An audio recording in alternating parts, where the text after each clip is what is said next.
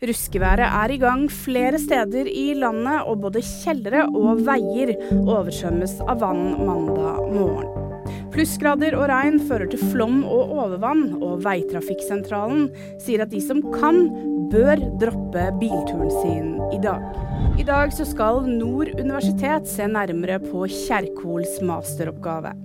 Det skjer etter at VG har funnet flere avsnitt i Ingvild Kjerkols oppgave som er identisk med tekst fra andres oppgaver.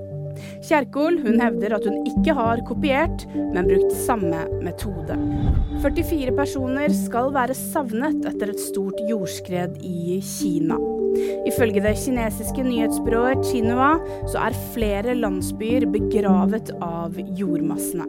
Vil du vite mer? Nyheter finner du alltid på VG.